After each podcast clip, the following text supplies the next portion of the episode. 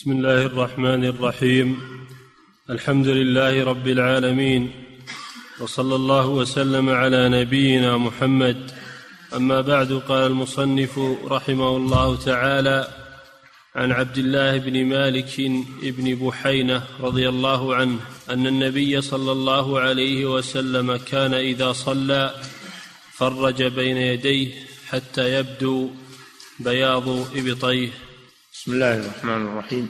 الحمد لله رب العالمين. صلى الله وسلم على نبينا محمد على آله وأصحابه أجمعين.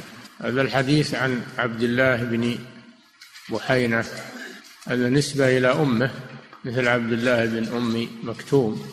ففيه أناس ينسبون إلى أمهاتهم وفيهم من الصحابة وهو عبد الله بن مالك بن القشر الأزدي رضي الله عنه أن النبي صلى الله عليه وسلم كان يفرج عضديه عن جنبيه بالركوع والسجود.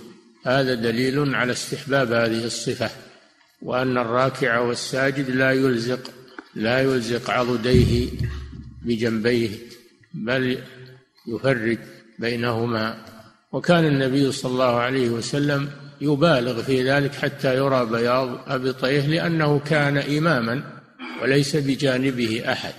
أما إذا كان بالصف بجانبك أحد فإنك تفرج بقدر الإمكان ولا تضايق من بجانبك مثل ما يفعل بعض الناس يضايق من بجانبه. وإذا لم يتمكن من التفريج فلا بأس أن يلزق يلزق إذا كان الصف مزدحما في زحمة شديدة. هذه سنة ما, ما هي بواجبة. التفريج ما هو بواجب سنة. ومضايقتك لمن بجانبك هذا أقل أحوال أنه مكروه أو محرم.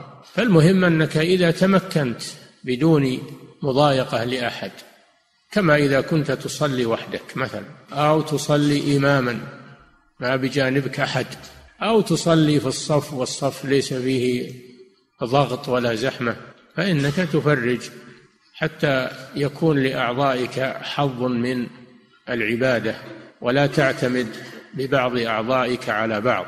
يكون كل عضو يأخذ حظه من الركوع والسجود. هذا هو المستحب. نعم.